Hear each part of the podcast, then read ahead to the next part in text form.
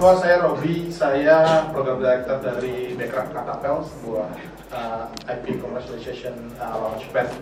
Uh, di hari ini kita akan membicarakan mengenai merchandising dan licensing. Uh, untuk pertama saya akan panggil eksekutif produser dan arsitek dari Satu Radio Studio, Bapak Rene. Silakan, Pak. Uh, terus ada atau yang paling lebih dikenal MTech dan Miska Torisia dari Gugup.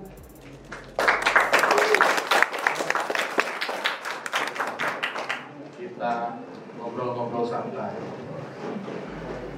Uh, mungkin bisa diperkenalkan dulu dari kita mulai dari Gugup dulu nih kayaknya nih ya. Gugup uh, Malaysia atau MT boleh silakan IP-nya diperkenalkan. Uh, halo, nama saya Muhammad Taufik, bisa dipanggil MT. Jadi awalnya uh, ini komik yang saya bikin uh, terbit November 2018 lalu. Uh, uh, core-nya adalah komik, uh, komik tanpa dialog. Karakternya adalah anjing, uh, namanya Bumbu. Lalu awal 2019 uh, saya mulai uh, apa punya planning untuk mengembangkan dia sebagai intellectual property. Jadi mulai mengembangkan ke uh, merchandising uh, dan uh, apa sedang dalam tahap uh, developing ke proyek animasi dan untuk animasi dan merchandising dan lain-lain saya berpartner dengan rekan saya MT juga Rizko Taunisia Oh iya, ada juga. Iya, Mungkin cari partner yang lain namanya MT juga ada yang itu ada dari Palari Films. Silakan. Eh, halo semuanya, selamat malam. Eh, nama saya Meiske, biasa dipanggil Dede, saya dari Parali Films. Di Parali Films itu ada saya, eh, produser film, ada partner saya, Edi, eh, lagi duduk-duduk dan balas-balas email kayaknya. Terus eh, ya kita sebagai rumah produksi sebelumnya pernah memproduksi eh, Posesif 2017 dan Armada Dilahi 2018. Kemudian dalam sebuah sore lagi jalan-jalan di toko buku lihatlah terbitan baru sebenarnya bukan lagi jalan-jalan sih lagi launching tentunya. Eh, lagi launching terus eh, bukunya MT waktu itu yang buku volume pertama guguk adalah yang merah. Waktu itu dia eh, November 2018 ya. Kemudian pas lagi lihat itu kan lucu nih ya gitu. Manari Film sendiri sebenarnya nggak punya eh, portfolio di animasi gitu. Tapi eh, kita pengen gitu. Someday bikin animasi gitu. Dan pas ngeliat ini tuh kayak langsung asik juga nih ya bisa dibikin. Terus eh, akhirnya eh, kita mulailah ngobrol sama MT eh, teh gimana nih? Gitu. Eh, pengen nih bikin animasinya gitu. Pengen bikin animasinya tapi of course animasi itu kan panjang ya. Eh, apa namanya eh, jalan ke sananya gitu. Jadi sampai sebelum eh, kita mau bikin eh, animasinya gimana kalau kita karakternya kita ini kita jadi ini gitu kita coba bikin merchandise dan lain-lainnya. Biasanya kita kalau di film kan biasa suka bikin film dulu terus habis itu bikin merchandise gitu. Nah di sini justru emang ini yang kita mau eksperimen juga gitu loh bahwa buat saya di Paladin Films juga gimana kalau kita balik kita siapin dulu nih semua eh, gangnya jalanannya habis itu kita bikin eh, film animasinya gitu. that's eh, initial plannya seperti itu. Cita-cita mulianya ya. Eh, karena itu akhirnya 2019 ini begitu mulai eh, sama MT awal tahun ya Teh ya? Awal tahun. Terus habis itu eh, ikut sama programnya Pak Robi eh, Katapel Katapel eh, sama dan lumayan akhirnya kita 2019 ini cita-citanya ya dua ini. Eh, mulai nyicil bikin animasi karena itu di situ disebutnya WIP WIP itu work in progress. Artinya kita sekarang masih develop karakternya bikin bible-nya. Sama kita coba mulai nyicil brand awareness tapi masih nyicil gitu. Artinya masih latihan juga kita Eh, ini yang kita lakukan di 2019 kita mulai dengan ini lihat April kita mulai dengan Katapel kemudian kita di bawah mulai kerjasama eh, dengan Line Sticker kita sama eh, Backcraft dan Katapel ke Licensing Expo kita mulai ketemu dengan Giordano kemudian kita eh, ikut juga IBM eh, kemudian hingga nanti Oktober di ICC Eh, paralel kita animasi bikin animasi kecil-kecilan sambil eh, study karakter tadi gitu ya ini visual merchandising waktu itu kita eh, sama Giordano di 65 tokonya across Indonesia eh, Guguk dan eh, dan One Indonesia eh, MT eh, semua of course mural-mural ini dari MT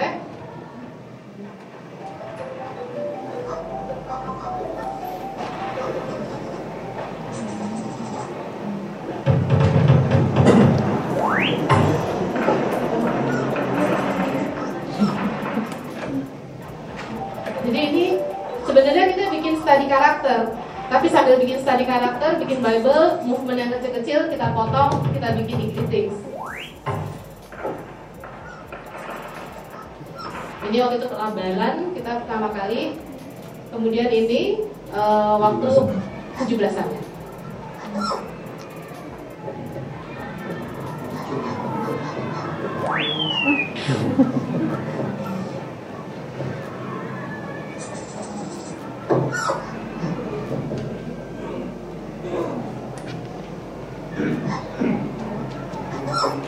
Ya suara juga kita masih recycle, movement juga kita masih uh, tambah apa namanya edit-edit dari yang kemarin, nambah-nambah yang baru. Tapi memang itulah animasi. Sambil kita study karakter, apa yang bisa kita maximize uh, sambil jalan. Kemudian of course future possibilities-nya gitu. Kita juga masih punya cita-cita. Uh, Guguk sendiri juga masih baru mulai gitu kan dengan udah ada buku akan Oktober ini ya Teh ya. Buku keduanya uh, akan keluar Oktober ini. Kemudian kita juga akan mulai collab dengan brand-brand dan cita-citanya sehingga collection-collection yang kita karang nih untuk future possibilities semoga biar kejadian. Kira-kira seperti itu sih. Um, Wis, mau kangen nih. Uh, terus habis setelah Google nih kita ada satu lagi IP uh, dari Satria Radio Studio ini mungkin uh, Bro nih, Bro, Bro, boleh tolong Bro di share coba. Siap. Terima kasih ya Bro Robi ya. Uh, dari sisi saya sebenarnya selamat sore dulu nih ke semuanya nih. Thank you ya buat semua yang udah datang dan terutama terutama saya mau acknowledge dulu nih uh, host kita yang hari ini yang udah ngadain acara ini yang keren, yang invite semua speaker keren-keren dan juga thank you ke moderator kita juga nanya jangan kejam-kejam ya bro nanti dan jadi dari sisi saya saya mau invite dulu satu big round of applause dulu nih untuk Idea Fest nih untuk. Jadi tadi yang topik yang Bro Robi bilang itu adalah bagaimana we can achieve profit sebelum film kita itu tayang di bioskop. Jadi di sisi saya tuh saya mau perkenalkan saya dari Satria Dewa Studio uh, di mana kita itu adalah Satria uh, Content Creation Company yang berfokus ke cerita legenda rakyat Indonesia. Di mana cerita-cerita kita itu akan berfokus ke cerita yang sudah diasimilasi ke kebudayaan Indonesia dan diadaptasi ke kehidupan masing-masing rakyat di Indonesia. So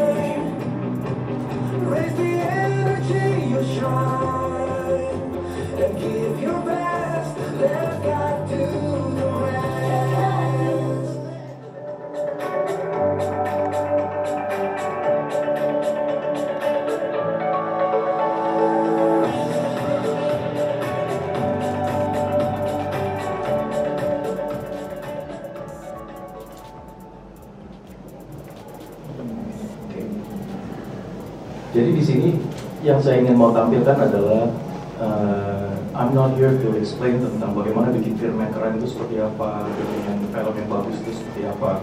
Karena Ibu Miska itu mungkin lebih pengalaman dari saya. Dan bahkan di acara ini tuh banyak yang lebih keren dan lebih jago lagi dari saya. Nah, tapi saya ingin sedikit share bagaimana tuh apa yang kita sudah lakukan perusahaan saya sebelumnya dan apa yang tim saya sudah harus lakukan dan undergone untuk membuat proyek-proyek yang tadi saudara-saudara dan saudari sekalian lihat. Nah, jadi kita atau kami adalah bagian dari ADM, perusahaan ADM yang di mana original purpose kita adalah untuk create licensing structures dan juga kita uh, specialize di collectible merchandise. Jadi kalau yang tadi lihat itu ada collectible merchandise yang mungkin saudara-saudara pernah lihat ya di Alfamart. Nah, dan yang ketiga, ketiga juga kita specialize di brand designs. Jadi tim Indonesia, logonya kita create berdasarkan tim-tim kita tuh yang sudah melakukan research dan salah satu ada di sini juga nih, Tio nih, yang personally engage waktu itu bikin bagaimana promotion tuh tim Indonesia tuh harus seperti apa, logo itu harus seperti apa, yang melambangkan seperti apa, what's the brand stands for. Nah, itu dari sisi ADM. Tapi habis itu kita create another subsidiary yang namanya TLI, di mana itu stand for Design Licensing Indonesia, oh International, sorry. Di mana kita di situ di in charge oleh atau ditunjuk oleh perwakilan-perwakilan merek-merek internasional seperti Mattel dan Smiley dan juga PSSI. Dan di situlah kami bertugas untuk menjalankan bagaimana bikin merek itu tuh relevan dan sangat-sangat menarik perhatian para consumers terutama perusahaan-perusahaan terutama seperti apa. And then recently atau last year kita create itu perusahaan yang berfokus di konten Indonesia. Konten yang yang saya bilang tadi yang sudah berasal dari Indonesia dan sudah diasimilasi dari Indonesia dan itu konten yang berasal dari cerita legenda rakyat Indonesia. Dan oleh karena itulah kita create Satria Dewa Studio. Dari sisi RDM dan DLI sendiri, kami juga dengan sangat humble, uh, sangat senang, sangat bangga kita mendapatkan uh, award dari Walt Disney Indonesia sebagai the best uh, product of the year waktu itu. Dan juga kita pada saat itu kita ditunjuk oleh INASCO atau Asian Games Committee untuk menjalankan licensing structure mereka mulai dari licensing sampai merchandise sampai the whole thing yang saudara-saudara saudari lihat waktu itu di uh, Gelora Bung Karno itu merchandise sebagai rame seperti itu. Itu kita sangat-sangat bangga dan pada waktu itu sebenarnya kalau saya sekarang cerita dengan gampang dengan bisa ketawa dulu waktu itu kita keringet dingin ya Yo ya? Keringet dingin nggak bisa tidur mules setiap hari. Tapi tetap datang setiap hari kita lihat kita pantau. Itu desain-desain apa sih yang masyarakat Indonesia suka nah di situlah kita tebar sebenarnya. Banyak survei banyak juga pendidikan. Kita belajarin juga tentang survei karakter film kita yang selanjutnya yaitu nanti akan di launch di Jagat Satria Dewa itu sendiri. Nah ini kurang lebih sesuatu yang kita sudah create in the past dan juga Asian Games saya ingin menambahkan bahwa kita juga di in charge diemban tugas untuk bikin apa barang yang paling paling sangat berharga pada saat itu adalah medalinya sendiri. Nah itu kita sampai bersemedi berapa lama video waktu itu untuk vision? Enggak satu minggu Nggak sempat. Bersemedi di ruko. Turun dari lantai 4 lantai 3 doang paling nah. Tapi puji Tuhan desainnya kami itu terpilih dan akhirnya dipakai dan dibikinlah medali untuk para atlet-atlet Asian Games pada waktu itu. Next. DLI, ini saya bilang itu adalah sebelah kiri Smiley, kedua adalah Mattel, Barbie, Hot Wheels, Thomas. So, we are appointed as their master licensees in Indonesia. Dan terakhir ada PSSI. Ini adalah list partners-partners yang kami sudah bekerja sama dulu, all the way sampai sekarang. Next. Nah, ini nih, Bro Robi. Something yang saya mau raise ke kita semua nih. Karena, in my opinion, untuk create IP itu gampang-gampang susah. Tapi possible, definitely is doable. Semua orang juga bisa menjalankan licensing. Tapi menurut saya tantangan yang paling berat adalah untuk convince people untuk beli brand kita atau produk kita. Karena semua orang bisa create, semua orang bisa, tapi nggak ada yang mau beli, pointless. Nah di situlah kenapa dari sisi kita, yo next, kita belajar nih, kita keringet, ibaratnya itu kita keluar darah, keringet, sampai tulang lari-larian semua. Kita pelajarin desain apa sih yang sekarang yang move Indonesian people emotion desain-desain apa tuh yang biar kayak sekali lihat langsung eh ini lucu kamu mau beli. Atau eh enggak ah nggak suka kita pelajarin itu dari awal kita dari Rogue One sampai Dream Big Princess dan sampai di Star Wars 1 sampai 7 angka yang di bawah itu adalah perwakilan berapa jumlah barang yang kita jual. Nah jadi saya ada pertanyaan nih satu nih. Nah yang berhasil jawab benar nggak akan dapat sepeda tapi ya. Tapi tapi kita kasih uh, merchandise-nya limited collectible-nya untuk atau kaca. Saya mau nanya nih ya menurut kalian yang beli paling banyak untuk koin mulai di Rock One contohnya ya itu apakah para bapak-bapak ibu-ibu atau anak-anak Saya boleh jawab. boleh boleh ayo ada yang bisa nanya ya siapa Bapak-bapak. Bapak-bapak. Nah, ada lagi yang mau jawab? Bapak-bapak. Bro Robi, Wah, saya nggak bisa jawab. dari sebelah sini nih yang tenang-tenang terus nih. Ada yang mau jawab nggak? Merchandise-nya bagus loh. Nah, siapa mbak? Bapak-bapak. Bapak-bapak, oke. Jawaban. Eh, tadi siapa yang jawab? Anak muda. Anak muda mungkin. Hah? Anak muda. Anak muda, oke. Nenek-nenek gitu. Sebenarnya saya mau ngasih hadiah nih, tapi sebenarnya jawabannya adalah ibu-ibu. Kenapa? Membelikan bapaknya. Pertanyaan. Kroan. Kenapanya? 70% dari survei kita itu yang beli adalah ibu-ibu. Kita kaget. Kenapa ibu-ibu? Sama pertanyaannya. Kita tanya, kita survei, Bu, kenapa ibu bisa beli sampai 4 sampai 5 koin? Dia fans Star Wars. Mungkin, Mungkin. tapi itu yang kita pikir kok ibu-ibu yang nggak ngerti Luke Skywalker atau Darth Vader tapi beli koin sampai 4 sama selusin. Buat apa? Kita tanya, akhirnya kita tahu jawabannya. Mau masuk. Bisa. Bukan. Siap-siap nih ya. Benar. Buat rokan. Kerokan, gobangan. Betul kan? Kerokan. Katanya dikerokin biar nggak tajam. Biar nggak kulitnya atau matahari.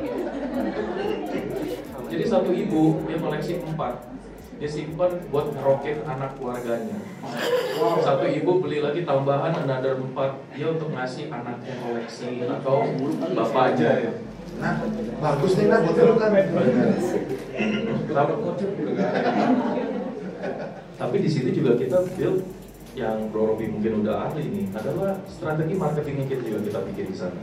Bagaimana kita entice ibu-ibu ini terus beli. Setelah kita ketahui oh ibu-ibu yang beli, oke target market kita di situ, hajar. Nah, di situlah kita kembangin beberapa marketing strategi yang nanti mungkin di film kali kita ini selama dari sekarang sampai ke depan bisa saudara-saudari lihat itulah kita akan terapkan semua pelajaran kita yang kita udah pelajaran dari dulu. Eh, saya nggak ada yang menang, tapi nanti boleh deh kita bagi-bagi juga. Next, oke. Indonesia IP equals to Indonesia culture equals to Indonesia pride. Ini adalah mantra untuk seluruh rakyat Indonesia. Karena jika bukan kita yang bangga oleh kebudayaan kita sendiri, nggak akan ada yang lain. Harus dari kita. Masa kita harus tunggu John Wick ngomong sampai jumpa atau John Wick eh, silat sendiri? Enggak. Itu harus di kita. Tuh punya punya kebudayaan tuh yang keren banget loh. Dan makanya saya suka banget tentang tema IDFS sekarang, yaitu Indonesia Pride. Age of Pride, sorry. Next. Eh, jadi saya mau kasih lihat sedikit ini ya titik apa eh, klip ini adalah kalian orang pertama yang lihat di luar semua sosial media gitu. What kind of superpowers would you like to have? apa ya kalau seperti itu Eh, eh, Krishna Krishna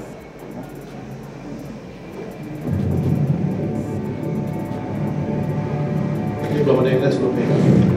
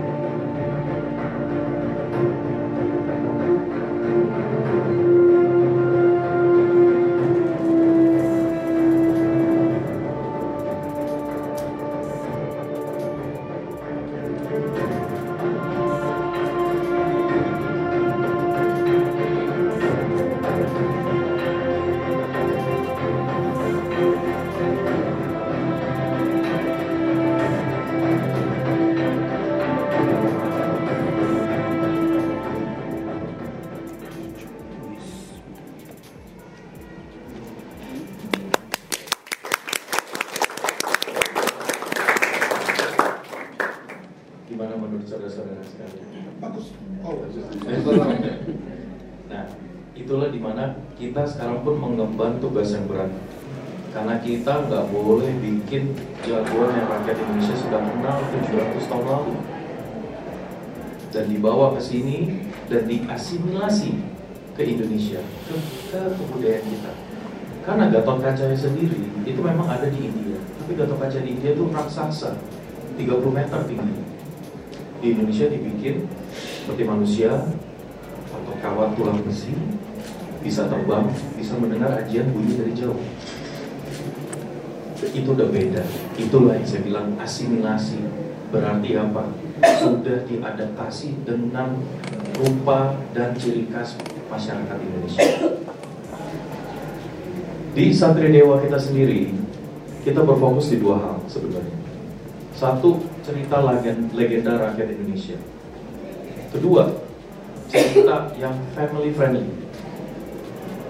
Yang safe untuk consume untuk anak-anak kecil dan family. Di mana kita juga akan berfokus ke positive reinforcement message, positive behavior. Jadi bukannya anarki, tapi kita justru ingin memberikan suatu nilai-nilai positif. Yang ketiga adalah apa ya? Tahu nggak? Yang ketiga adalah sebenarnya bagaimana melekatkan kita sendiri dengan kebudayaan kita. Bagaimana kita jatuh cinta dengan kebudayaan kita sendiri. Dan tadi jika saudara lihat ya, sekelebat desainnya ini, dan ini adalah nanti adalah movie prop yang kita akan ready dan inilah movie prop yang akan dipakai di film sendiri. Gatot kaca kita ini mempunyai ajian ini nanti akan diaktifkan dari sini. Boleh dilihat Bro Robi lihat. Hati-hati nih berubah gatot kaca ya.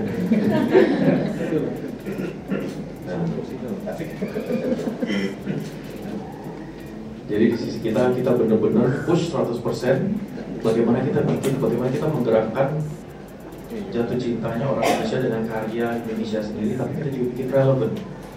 Kita nggak mau bikin sesuatu yang dari zaman dulu dan tidak ada koneksi dengan anak muda sekarang. Dan terutama target market kita juga kita udah tentukan siapa target market kita. Dan makanya kenapa kita sangat-sangat take our time untuk mereveal cast kita. Cast kita udah dikunci, tapi kita nggak mau reveal karena kenapa? Masih jauh loh, 2020. Dan itulah kenapa kita benar-benar take our time. Tetapi bagi yang ingin follow kita, bisa langsung ke sosial media kita, bisa langsung follow kita. Dan terutama nanti di bulan November tahun ini, kita akan ada event terbesar di Pacific Place. Dan itulah event kita yang akan kita highlight semua ini. Kalau tadi kalian udah lihat desain kostumnya, nanti kalian akan lihat kostum yang real. Barang senjata semua real. So kalian sebagai fans bisa mendekatkan diri dan bisa langsung lihat ini baru adalah jagoan saya. Dan itulah kenapa kita build track kita seperti itu dan di mana kita juga tidak karena harus sebelah kiri announce cast kita juga nggak mau announce cast sekarang ngikutin orang enggak Gatot Kaca adalah Gatot Kaca itu milik Indonesia. Ini adalah beberapa artwork yang cuma sebagai contoh yang kita udah persiapkan untuk segala umur. Mulai dari perempuan lelaki anak kecil dewasa. Komik. Beda-beda semua style kita udah persiapkan dan kita udah ada tiga style guide full. Dan di mana nanti kita bisa kasih beberapa juga kenapa tuh sangat relevan dan sangat sangat menarik untuk para perhatian licensee atau produsen-produsen di Indonesia. Jadi jangan khawatir yang mau beli merchandise Gatot Kaca, kalian akan lihat nanti di November. Next. Research and survey ini sebenarnya step ya yang tadi Mbak Neske juga bilang. Kalau di kita kita bikinnya lebih simple, tapi di dalamnya lebih pusing mbak. Lebih bikin stres tim saya. Jadi kalau saya datang ke kantor tuh tim saya tuh kebanyakan pusing. tapi just to mention di belakang itu ada beberapa tim-tim saya tuh yang key, key role semua di mana mereka tuh yang dengan membantu nggak peduli itu weekend Sabtu, Minggu, malam mereka tetap maju terus, mereka bikin terus sampai begadang-begadang. Jadi kudos to you guys. Gitu. Ap- apa kayak orang bilang itu IP ini dari kita awalnya research survey sampai kita akhirnya di brewing. Jadi bukan kopi doang nih kita brew. IP pun kita brew. Brewnya seperti apa? Kita lihat desain yang move people itu apa emotionnya sih untuk Gatot Kaca ini apa? Apakah kita main yang zaman dulu? Enggak. Karena target market kita adalah masyarakat sekarang, anak muda sekarang nih. Tapi kalau dibilang kalau film-film superhero yang sebelumnya, mereka lebih fokus ke arah fanboy yang suka action. Di kita enggak, kita mau beri kesempatan juga nih ke female fans, family. Fanboy itu akan ikut otomatis. Kita justru mau, makanya kita milih cast yang sangat relevan kepada para female audience. Kalau cewek ngeliat itu, aduh gila ganteng banget, kelepok-kelepok banget. Dia kalau dia sekali matanya lihat di kamera itu langsung lumer semua. Nah itulah yang kita akan persiapkan dan itu yang akan kita tunjukkan nanti at its own time. Dan IP launch, sebenarnya kita sudah melakukan IP launch ini di Februari tahun ini di mana kita lakukan kemarin di Jakarta Theater dihadiri sekitar 1.600 orang dan itu orang sudah melihat beberapa planning-planning kita ke depan seperti apa tapi waktu itu di, lebih ke arah memberikan roadmap-nya ke depan seperti apa. Rather than telling people, speaking about it kita show it to the people, kita tunjukkan langsung. Ini seperti ini loh guys. Next. This is our ecosystem. Inilah yang kita sudah launch dan terutama saudara dan saudari sekalian akan lihat nanti di bulan November.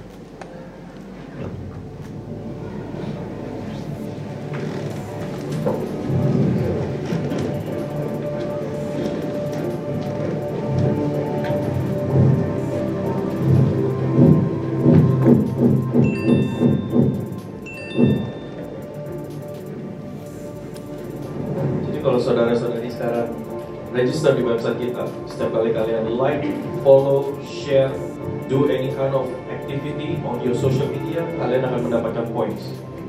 Pointsnya bisa nukerin merchandise, pointsnya bisa nukerin artwork, bisa langsung kalian terapkan langsung. Komik itu akan launch juga di bulan November, tapi kita bikin sesuatu yang berbeda. Not this type of comic, tapi kita bikin motion comic. Something yang never been posted. 12 Oktober kita akan launch di Piala Presiden e-sport di mana kita akan punya game kita sendiri yang kita bantu present di sana.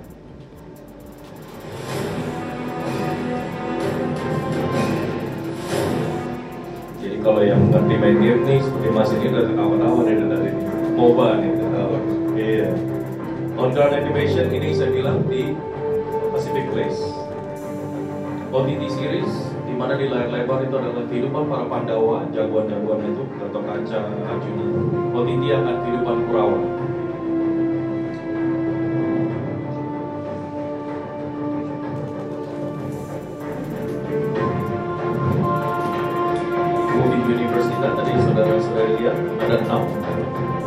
Last but not least, theme park. We are in the discussion with beberapa theme park dan itu nanti akan stay tune ya, akan kita announce juga. Next ya. Contoh sedikit aja nih merchandise-merchandise yang akan ready nanti. Next. Dan of course, Gatot Kaca atau Satria Dewa, jagat Satria Dewa ini kita nggak akan bisa berjuang sendiri. We need partners, we need people, we need fans, we need people yang akan support IP Indonesia ini. Terlalu terutama kita akan butuh partner sponsor. Kenapa? Contoh seperti dilihat Frost, mereka itu benar-benar merubah kemasan packaging itu dengan Gatot Kaca yang bikin keren semua. Si D juga akan bikin bagaimana kemasan Gatot Kaca seperti apa. Dan nanti saya dengar-dengar kabarnya, jika ada yang beli merchandise mereka itu dalam package tertentu, akan mendapatkan tiket nonton gratis loh. Another sponsors. Kids Meal, McDonald's. Siapa di sini korban nih setiap kali beli ma- makanan buat anak kecilnya? Walaupun makanan itu nggak cukup, tapi karena ada mainannya harus dibeli. Nah itu nanti salah satu dosanya kita Bro Robi. Ya, saya menyumbang setengahnya. Terima kasih Bro. Tadi saya kirimin cheeseburger. Siap. Licensing partners. Walaupun film kita nongolnya itu tahun depan, tapi dari sekarang kita udah ada licensing partners segini banyak. Dan contoh tadi kalau udah lihat itu sekelebat udah kasih lihat patung dari Royal Selangor. Itu ukurannya tuh seper enam, itu sekeren apa itu nanti. Nah, dolanan keren dari lokal. Kita mau combine licensing juga dari lokal karena lokal itu nggak kalah loh karya mereka. Dolanan akan bikin mainan. Duanyam, Anyaman juga, Pulau, Ups, etc. Dan of course, last but not least, media partners. Nah, this is yang tim kita yang lain. Jadi kita terbagi tim yang bikin untuk Jagat Satria Dewa Studio, ada tim lagi yang lagi brew the next IT. Ada bisa nebak? Nah, ini kasih di satu. Ya, kebanyakan banget. Bagi-bagi bercanda. Nah, oke. Sekian segitu aja sih ya. Thank you. Ya. Nah, Edwin boleh bergabung kembali nih. Gimana? Excited? Nih IP-IP Indonesia yang cukup membanggakan nih. Saya sendiri melihat serasanya bahwa sebenarnya ini udah tayang berapa 5-6 tahun yang lalu sebenarnya padahal kalian Uguk dan Gatot Kaca belum ya padahal belum belum Eh, seperti tema kita hari ini eh, gain profit before projectnya atau movie-nya atau apa pun itu keluar ini melalui merchandising saya mungkin akan mulai diskusinya dengan beberapa pertanyaan dulu di awal. Eh, mungkin langsung aja nih saya akan nanya ke eh, eh, Bro Rene basically dari posisi merchandising eh, film itu kalau atau atau misalnya saya bicara biar lebih gampang ini ya berapa sih sumbangsih merchandising buat revenue film atau sebesar apa sih sebenarnya marketnya? Saya kurang tahu dari sisi film, tapi kalau dari pengalaman saya sekarang, dari berdasarkan revenue yang kita dapatkan, itu akan membuat revenue film contoh, walaupun dengan 2 juta penonton, itu akan menjadi sangat sangat kecil. Jadi eh, pendapatan di tiketingnya nggak sebanding dengan pendapatan dari sisi. Merchandise sangat lebih besar, Merchandise sama lebih besar. jauh. Eh, terus eh, kita berbicara juga mengenai eh, dari sisi selain film kan buku sendiri kan juga masuknya kan ke buku duluan. Eh, apa sih yang ide dari mana sih? Tahu-tahu kok bisa sebelum ada film terus baru buku tahu-tahu lo bisa langsung Giordano gitu. mungkin teman-teman sini sadar wah gila Giordano belum ada apa mungkin boleh di share Eh, mungkin kalau contohnya Giordano gitu ya. Salah sa- saya rasa yang paling penting juga di dalam kolaborasi ini antara Kalari Films dengan eh, dengan MT gitu ya adalah MT itu kan memang visual artist gitu. Dia himself juga as an artist eh, udah ke mana-mana gitu Eh, kliennya dia juga banyak banget gitu. Fansnya dia juga banyak banget gitu banyak banget juga gitu yang mau kerja bareng sama MT gitu. Jadi sebenarnya eh, waktu di contoh Giordano gitu waktu kita akhirnya berhasil kolaborasi karena eh, kayaknya tahun sebelumnya Giordano pernah kolaborasi sama MT ya. Eh, dari 2017 Nah dari 2017 sudah kolaborasi sama MT. Nah memang waktu kita lagi mulai sebenarnya eh, mungkin ini hal yang kecil yang nggak terlalu penting tapi ternyata bermanfaat. Yang saya tanyain sama MT waktu itu adalah, Teh, eh, klien-klien lo siapa aja? Kita invite pas kita lagi demo di Tujuannya supaya apa? Ini paling nggak orang-orang yang pertama yang akan potensial jadi bayarnya MT gitu. Mungkin eh, saya mikirnya waktu itu masih ses, ses- benar-benar sesimpel itu aja gitu. Kita harus mulai dari uh, somewhere gitu. waktu itu kita ke Tapel terakhir ada demo day kita bikin sampel-sampel. Dan di situ saya dan di situ kita invite kliennya MT kliennya Kalari Films kita invite gitu. Dan eh, kebetulan uh, Giordano datang waktu itu di di, di demo day itu Eh, mereka suka kita ngobrol habis itu pembicaranya berlanjut sehingga akhirnya bisa kejadian untuk eh, 17 Agustusan biasa sekali oh my god bisa jadi ingat selalu dari temen yang paling deket-deket aja dulu nggak usah yang jauh-jauh gitu ya mas ya. Eh, cuman eh, kan banyak juga orang kepikiran kan biasanya eh, kalau di Indonesia nih sebelumnya nih saya eh, coba refresh lagi eh, filmnya keluar dulu baru ada merchandisingnya gitu. Terus kan dari kalau dari kalian kan di, di- dibalikin ini gimana caranya eh, attract eh, apa namanya fans atau eh, viewers kalian sebelum filmnya keluar itu beli merchandising itu gimana? Atau vice versa itu setelah beli produknya terus untuk kan pasti kan kalian mau mereka menikmati filmnya kan itu mungkin boleh. Silakan Mas Robi. Ya Allah. Em, satu jawaban yang kita bisa berikan itu adalah dari desainnya ya. Itu penting sekali pasti Mas Ente juga pasti tahu persis. Dan kita tahu juga dari research kita, survei kita untuk desain, color, bentuk, shape itu yang attract people untuk datang melihat, megang, beli. Sama seperti kalau kita eh, ketemu pasangan hidup. Iya. saya ketemu saya waktu itu ngeliat, wah udah tahu nih. Nah, jadi sebenarnya tuh kalau merchandise juga sebenarnya sama mas. Dilihat dari situlah makanya kita belajar pengalaman kita tuh udah jatuh bareng beberapa kali dan akhirnya kita ngerti, oh shape seperti inilah yang orang Indonesia tuh suka. Shape seperti inilah yang mereka beli, harga seperti inilah yang mereka suka. Nah, di situlah makanya kita create uh, sedikit video tadi dan dari uh, respons yang saudara dan saudari uh, berikan di hari ini itu membuktikan teori kita bahwa yes color, shape, bentuk matters. Dan itulah kenapa kalian langsung wow that is cool. Dan itulah sebenarnya wow effect yang kita bisa berikan di merchandise. Dan itu yang akan mendrive people untuk beli dulu dan bahkan kalau mereka sudah beli chances mereka untuk nggak nonton filmnya itu akan lebih kecil.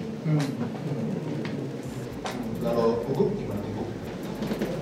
eh ya eh, ini sih ya kalau menurut saya juga soal dibalik itu kan soal eksperimen aja ya gitu loh. Tapi sebenarnya eksperimen kita nggak eksperimen dari nol kok gitu. Maksudnya di, di seluruh dunia ini kalau kita riset riset kecil google google kecil gitu sebenarnya kita juga udah bisa dapat informasi gitu film-film tetangga kita gitu yang jauh lebih besar mereka sudah melakukan itu gitu cuman mungkin di Indonesia memang eh, nggak nggak ada waktu untuk melakukan itu karena eh, sistem produksi filmnya berbeda misalnya kalau di luar banyak yang bikin film udah board of uh, people gitu, nggak cuma produser film talk gitu. Kalau di Indonesia masih single person gitu. Kalau di sana udah board, mungkin udah lebih kayak uh, Pak Rene tadi cerita udah ada yang timnya yang bikinin ina itu segala macam dan film itu salah satu segmen dari 360 gitu.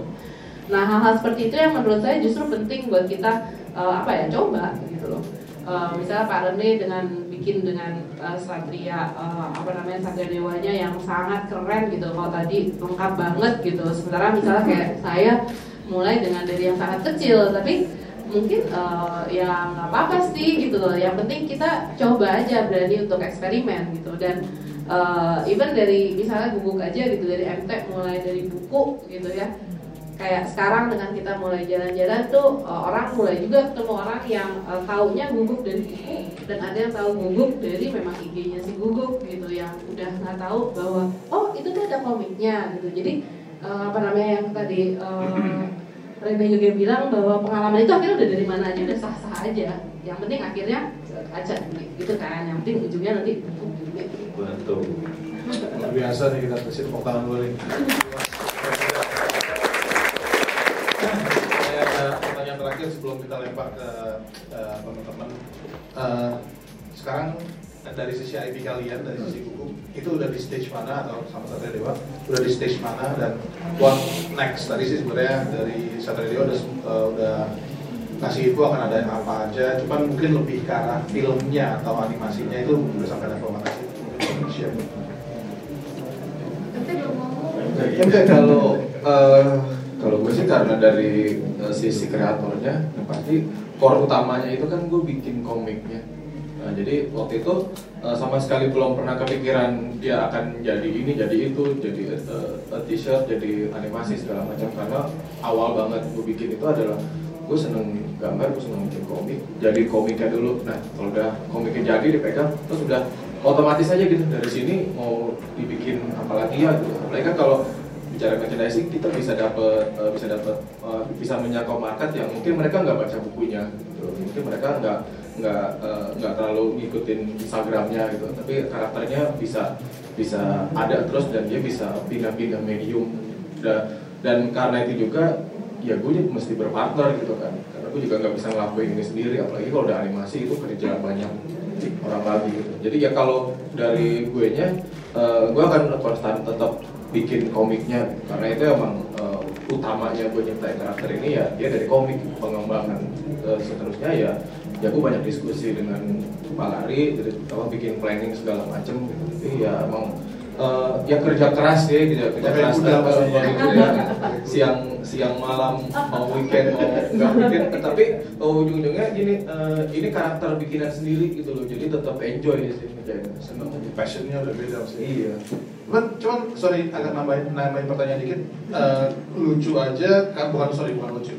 Kata-kata yang lebih tepatnya adalah menarik sekali banyak artis artis eh, di Indonesia sendiri pemahaman mengenai merchandisingnya kan nggak segitu luasnya kan. Kalau MT ini kayaknya udah on another level nih kelas ini sekarang dengan bukunya udah belang-belang buana dan impossible adventure-nya nih. Itu perpindahan dari dari seorang artis menjadi seorang IP creator itu gue ya sebenarnya IP creator juga sih cuman itu boleh ceritain sih Eh, sebenarnya sah-sah aja sih. Kalau kalau gue sih karena apa prinsip gue tuh kenapa enggak gitu. Hmm. Eh, jadi gue juga nggak nggak mau ngebatasin eh, apa kalau gue ilustrator ya udah gue cuma ngerjain kerjaan yang sifatnya pesanan gitu kan. Gue juga pengen punya pengen punya karya sendiri gitu. Buktinya ya awal gue bikin buku juga karena sering dikomporin editor eh, editor editor bilang ya lu nggak pengen bikin buku sendiri ya? Gitu. Yang lu banget gitu. Sampai kapan sih ngerjain pesanan orang terus?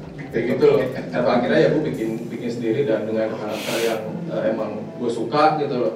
Eh, apa ya kalau kalau kenapa dia dijadiin merchandise? Emang eh, kalau dulu banget kalau gue nge-trace eh, nge-trace back awal-awal gue seneng gambar begini gue seneng gambar seneng bikin gambar tapi kalau cuma seneng bikin gambar bagus banyak orang suka kayaknya kalau kalau nggak bisa jadi eh, sumber penghidupan gue buat apa gitu mungkin kalau waktu itu titik titiknya adalah kalau ini nggak bisa jadi eh, apa nggak bisa sesuatu yang bisa gue jadiin profesi tempat apa tempat gue hidup mungkin gue banyak setir cari profesi lain deh gitu loh. Jadi emang emang mesti mesti apa eh, apa ya insting buat eh, ya bahasa kasarnya ya kalau nggak bisa jadi duit buat apa? Gitu loh. Jadi kan mak- makanya gue kembangin itu.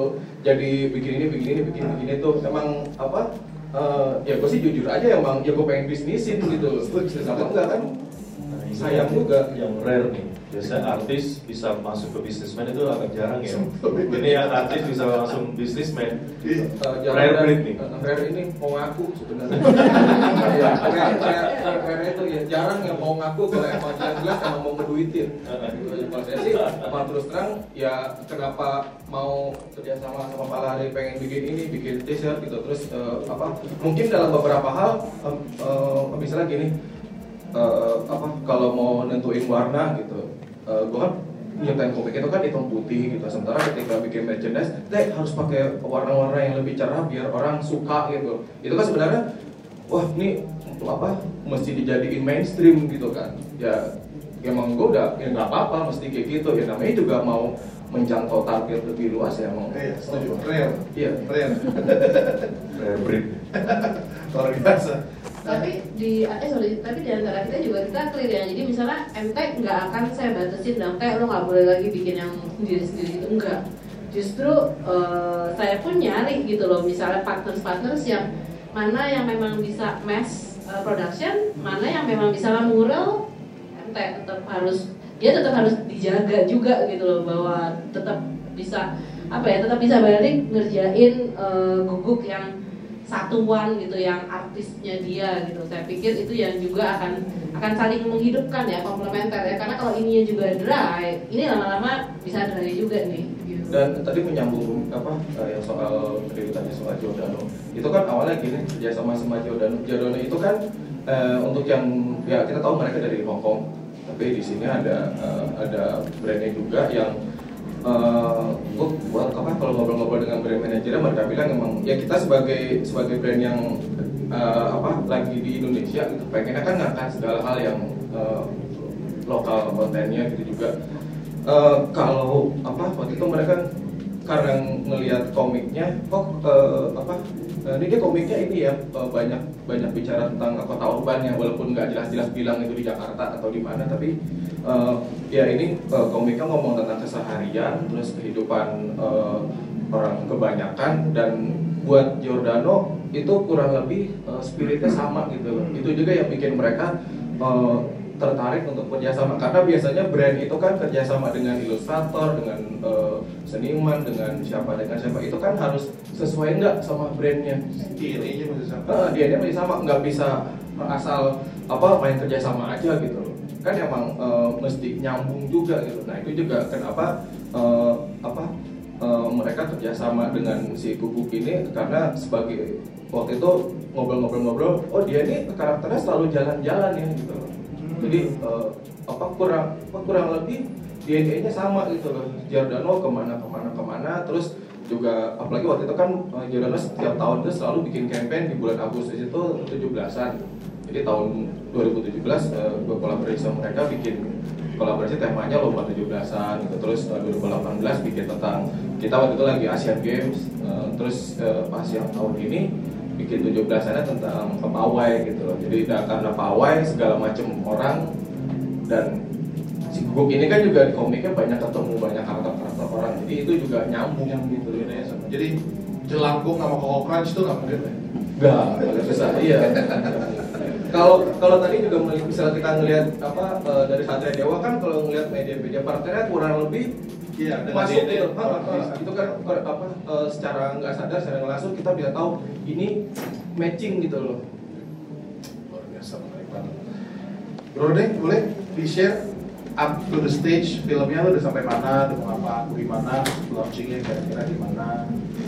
bukannya kita mau kasih mereka nanya dulu dulu banyak nanya nih bro bercanda Udah disuruh bro sama Emono. Em,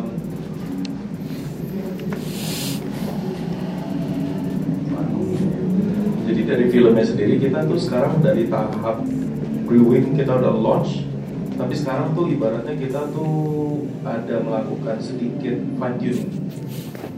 Jadi di mana kita juga pelajarin yang saya bilang itu uh, jika film-film superhero sebelumnya itu di Indonesia itu lebih bergerak hanya untuk fanboy kita lagi reverse semua reverse engineering kita rubah kita mau fokus juga memberikan sedikit attraction untuk female audience kita nih untuk family jadi kita merubah juga sedikit dari script kita castingnya kita dari yang ada sekarang kita solidify kita perkuat tapi harusnya film kita tetap in track on track untuk 2020 angkasa 2020 ini luar biasa.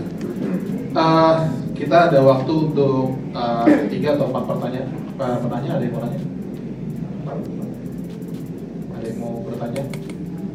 Ya, silakan nama dan siapa pertanyaan. Em, satu-satu mungkin pertanyaan satu buat sorry, saya Roni Eh, mau nanya satu pertama buat MT Em,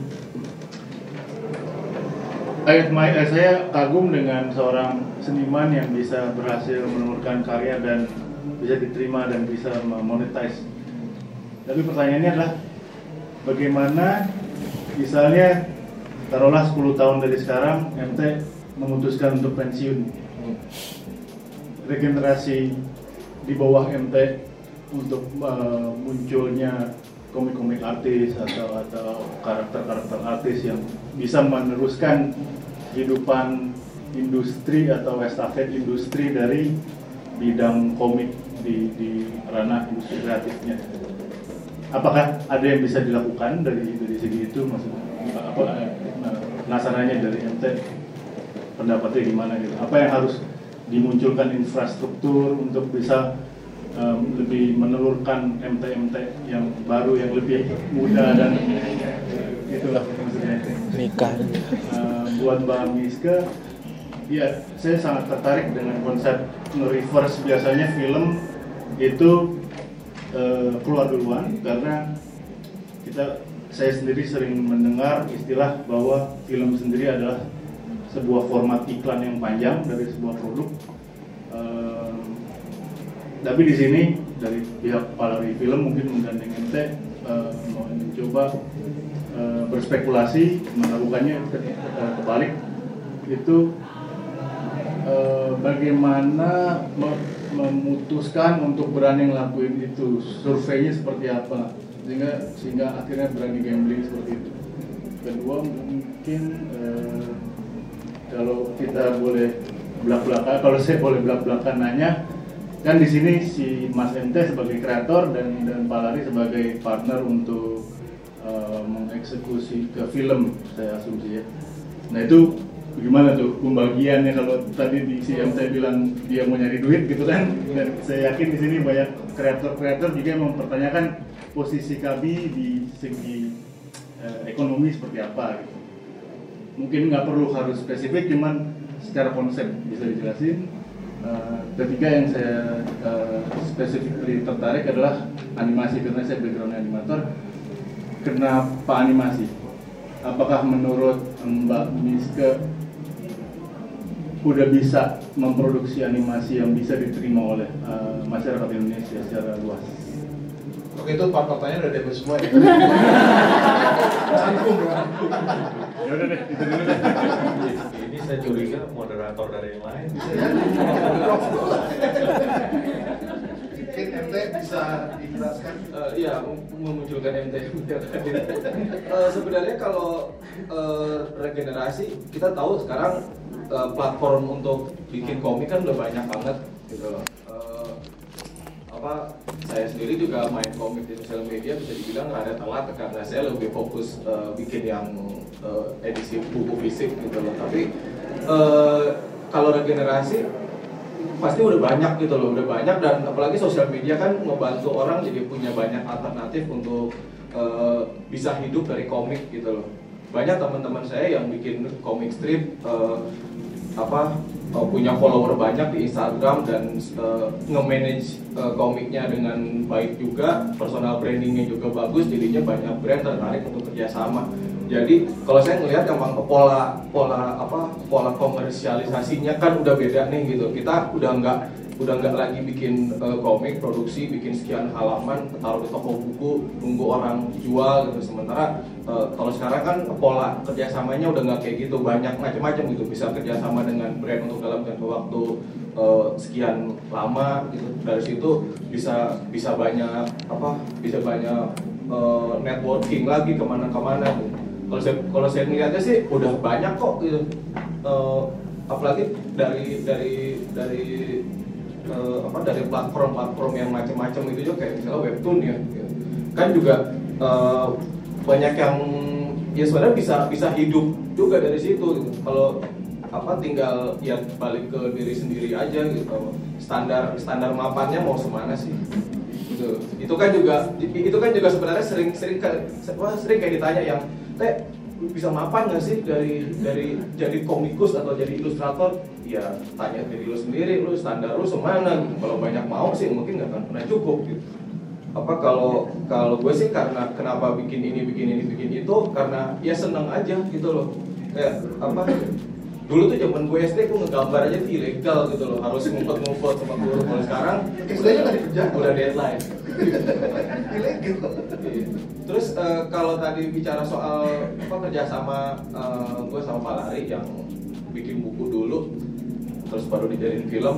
sebenarnya eh, kayaknya itu bukan sesuatu yang baru ya gitu. Kita juga mungkin eh, ya Superman Batman juga waktu tahun 1940-an dibikin kan semua orang tahunya dia komik dulu kan pas baru tahun berapa aja baru dijadiin film jadi sebenarnya emang eh, ya ada macam-macam sih ada bisa dari film dulu ada yang dari apa ada yang dari eh, film ke komik ada dari komik ke film gitu dan soal kerjasama sama Palari emang soal apa dari sisi ekonomi ya eh, intinya emang harus diobrolin sih gitu.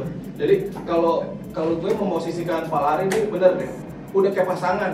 Harus ya harus harus terang-terangan harus buka-bukaan apalagi eh, seakrab-akrabnya kita sebagai temen ya kalau udah urusan duit beneran deh. Harus harus bener-bener apa hitam di atas putih tes gua berapa lu berapa kerjasamanya. Gue eh, gue sebagai kreator eh, apa tugas gue ngapain sih? Terus tugas eh, lu sebagai partner lu ngapain sih gitu? Kalau gue gambar lu ngepromoin nah gue mesti gimana gue mesti gimana gitu loh. Kayak apa eh, contoh kan apa contoh kecil aja eh, gue pernah ada tawaran untuk ngebikin mural yang eh, apa sih yang punya tempat itu pengen ada gugupnya gitu. Dan ya gue bilang ke yang punya tempat oke eh, saya sekarang punya ini punya representatif gitu. Eh, karena eh, guguk sekarang eh, saya berpartner untuk IP manajemen jadi saya obrolin dulu ya gitu. Ya gue obrolin langsung gitu loh. Yang udah gue ada ini nih ada tipe mural gitu. Mana gimana kalau mural Eh, oke udah eh, apa eh, lu bikin terus terserah lu nanti kita pembagiannya berapa gitu gitu loh. Emang semua emang harus diobrolin sih.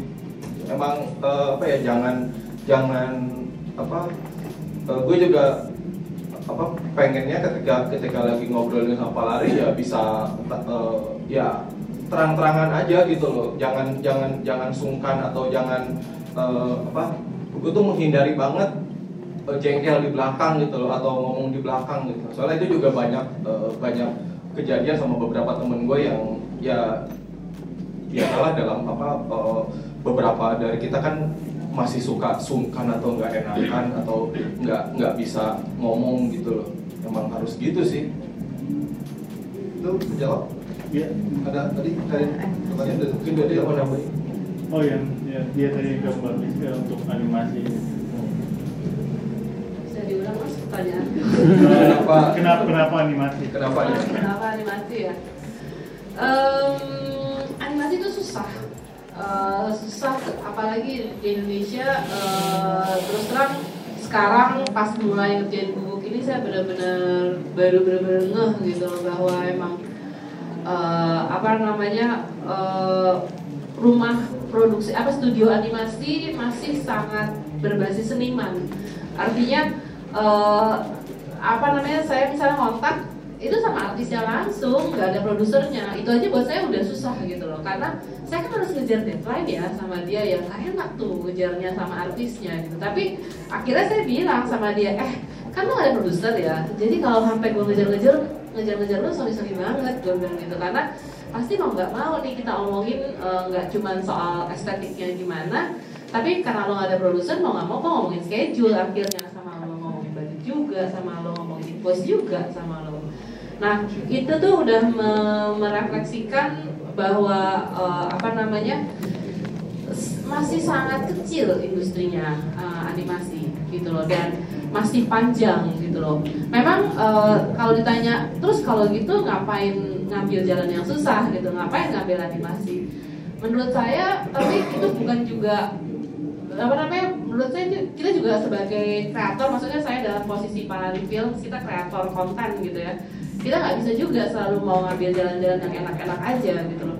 Kita juga kalau kita apa namanya kalau kita concern sama industrinya dan animasi itu kan part of film ya gitu. Sebenarnya kita sebagai orang yang di industri harusnya eh, idealnya gitu lah bukan harusnya ya tapi idealnya ya kita kita inilah. Kalau kita mau eh, ada film animasi juga makin banyak gitu kan kita udah ada beberapa masih Resident 5 sih gitu.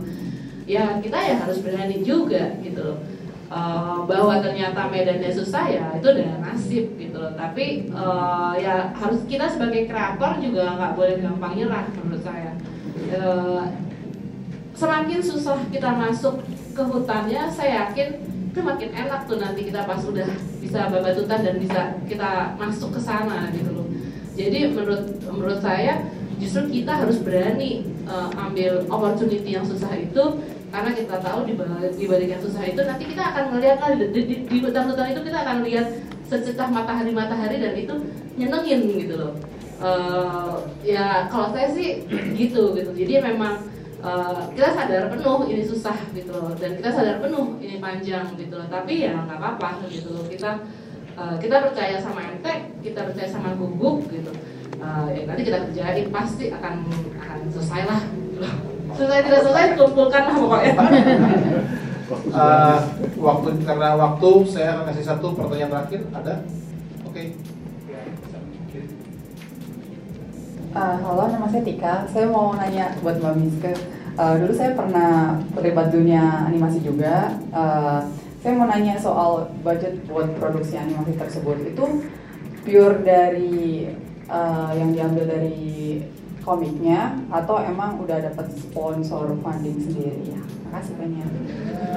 ini pertanyaan paling penting di belakang ada ruangan kalau ngobrol sambil pertanyaan yang bisa jualan ini. Jadi eh, bu- eh, revenue buku nggak ada hubungannya sama saya. Oh. Revenue buku itu semua MTech dengan publishernya. Eh, saya eh, bekerja sama MTech, konteksnya hanya benar-benar eh, untuk karakter guguk. Artinya kita semua produk turunan yang bentuknya guguk itu ada di kita berdua. Kemudian eh, animasi juga ada di kita. Of course kreator akan selalu MTech. Jadi sampai kapan pun itu udah nggak akan bisa hilang dari pa- dari equation ini gitu. Kemudian kalau pertanyaannya sekarang saya mulai bikin eh, animasi dengan apa karakter Bible tadi yang kita kecil-kecil tadi itu itu semua masih pure palari gitu. Jadi memang benar-benar eh, inilah bentuk komitmen kita sama MT gitu loh. Bahwa kita belum punya investor pun ya kita harus memberanikan diri untuk invest di yang uh, Bible ini gitu. Karena kita juga tahu untuk memancing kalau kita nggak punya umpannya rempong juga. Gimana mau mancing? Jadi mau nggak mau saya harus nyiapin si uh, apa namanya umpannya ini gitu. Dan ini masih palari semuanya. Jadi kalau ada yang mau invest silahkan silahkan silahkan loh pak. Silahkan silahkan silahkan. Saya ada disambung. Alright, uh, mungkin closing statement uh, Pak Bro Rene uh, sedikit aja. Harus gimana nih kan dengan karyanya. Gain profit before start.